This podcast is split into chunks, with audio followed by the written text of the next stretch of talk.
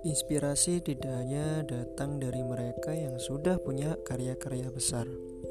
Siapa pun mereka bisa menginspirasi orang lain asalkan mau berbagi apa yang ia miliki. Semoga dari media sederhana ini kita bisa memberikan kalian inspirasi untuk menjalani kehidupan nanti. Ya dakwah itu tidak hanya soal tulisan, tidak hanya soal perilaku, tapi bisa juga melalui lisan. Semoga apa yang kita sampaikan memberikan manfaat buat kalian semua. Amin.